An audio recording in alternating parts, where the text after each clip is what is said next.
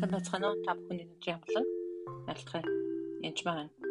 Тэгэхээр би цэвэрлэгээ буюу уучлалтаа үргэлжлүүлэн хэлье гэж бодсон. Тэгэхээр нэг бүрчлийг санаж бол үнэхээр бүтэхгүй зүйл болж орно. Гэхдээ боломжоор нь том зүйлүүдэд яг цаг гаргаж уучлах хэрэгтэй. А гэхдээ жижиг зүйлүүдийг яаж яаж уучлах юм бэ гэхээр нэг үсэн зүгээр залбирлаар уучлах болно. Би санаж байгаа, санахгүй байгаа юм. Өөрөө мэдгүй гомдсон эсвэл асуудал гаргасан тэр хүн бүх хүмүүсийг намайг гомдоосон бүх хүмүүсийг би Есүс өртөнд өдөр уучлж байна. Түнчлэн бас би тэр хүмүүст бас буруу хийсэн болвол тэр бүх зүйлээс нь эзэн намайг уучлаач ээ би гэмшиж байна. Уучлал цэвэрлэж өгөөч ээ гэдэг.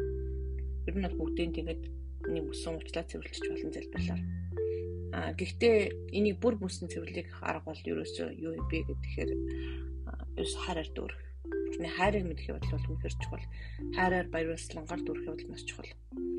Тэгээд би бас хүмүүсийг гомдоочихгүй гэж их болгоомжтой ханддаг л да. Гэтэл бас өөрөө мэдэхгүй заримдаа зарим хүмүүсийг гомдоосон тохиолдол байдаг. Жишээлбэл нүдрэхэд хүн залбирч байсан бид нар хамтдаа. Тэгээд тэгэхээр хотод нөхцөн хүн байсан Тэгэхээр та магадгүй ховж барьснаас бол чодоод нүгцэн байж магадгүй гэж нэг хүн хэлсэн. Тэр нь үнэн байж бас болох уу болно.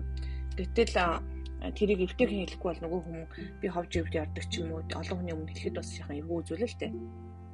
Гэхдээ харцсангуу айх бэлтгэж байсан болохоор тэгэргүй байхаа гимшээ итгэж байсан болго итгэж байхдаа хүртэл санаатай болон самжиргүй ирсэн ховж байгаад би гимшиж байна зай намайг уучлж өгөөч гэж зөвлөсөн. Гэтэл ходоодны өвчин маань ганцхан тэр ховж ивээс гадна үхэл хагцалтай холбоотой бас байж болно. Тэр хүн ойр дотныхаа хайртай хүмүүстэй уулзааг олон жил байсан болсон учраас хайртай хүмүүст нь асуурсан. Дээрээс нь бас хүүхдээ орхиод ажиллаар явж исэн. Виз нь гарахгүйгаас болоод олон жил хүүхдээсээ хол байсан. Нэг мэтлэн үхэл үхэл үхэл болон хагцалтай холбоотой нь тоц ходоод байсан.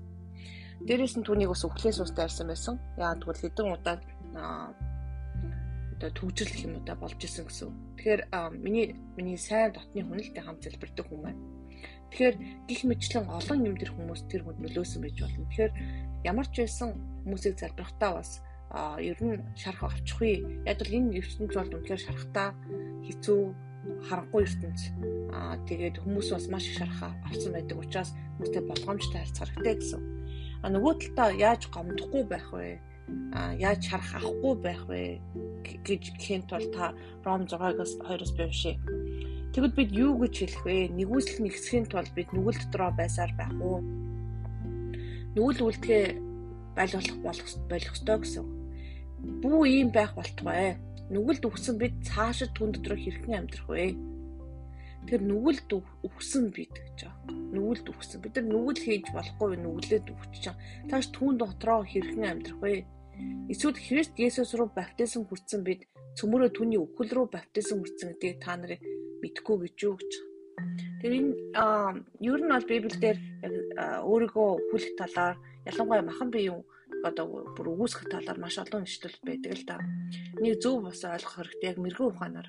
Тэгэхээр ялангуяа үнэхээр өөрийгөө үгүйсгэж үнэхээр загламаагаа өрөөд алхдаг хүн бол хүнд гомдох нь бараг л байдгүй л те.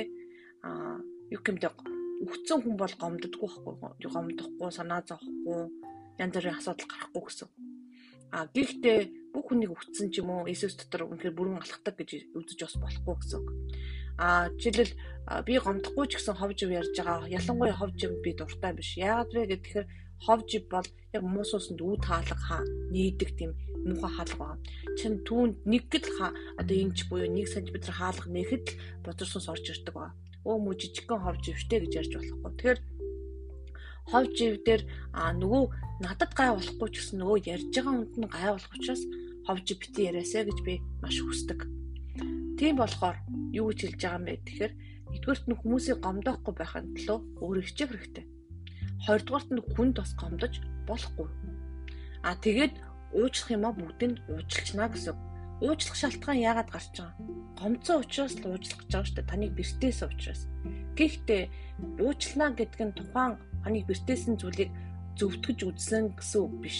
Жишээл таны хүн зодсон байх юм бол хүчрхийлсэн байх юм бол мөнгөжин хулгаалсан байх юм бол арга ударгаачин ярьсан байх юм бол тэднэрээ бүгдээрээ буруу хийсэн үйлдэл нь буруу харин та хүнийг уучлана гэсэн үг. Нэгт хоёрт бол та үнэхээр нэгүслэр баялаг болох үед хүнд гомдох нь баг болдог. барагтаал авуу за зүгээр бодсон байдгүй дээ. Магадгүй тэр тань руу муухай хараагүй байж болно шүү дээ. Зүгээр дотроо үр төлбөртөө муухай харсан байж болно. Өөрөө мэдэхгүй зүгээр хараа муутаа муухай харсан хүн ч гэж болно шүү дээ. Тийм болохоор бүх юмыг өөрлөгөө бодож энэ ингэж ин намайг харчихгүй, намайг юу гэж бодчихвол гэж санаа зовх нь өөрөө эсвэл одоо энэ л ингэж бодож байгаа даа ч гэдэг юм гэж бодох нь өөрөө зөв эрүүл зүйл ерөөсөө биш. Тийм болохоор тийм дархлаатай байхын тулд та сүнсээр өсөх ёстой гол гэсэн үг сүнсээр өсөөд ирэхээр аянда уучлах нь чамархан болно. Баргач ерөөсөө гомдохгүй, ер нь гомдохгүй дээ.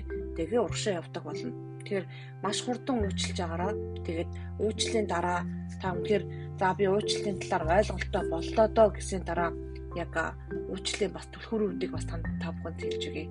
За өнөөдрийн подкаст ер нь олон зүйлийг хамарсан боллоо. Та ариун сүнсээр сонсоод ойлгосоо гэж хүсэж байна.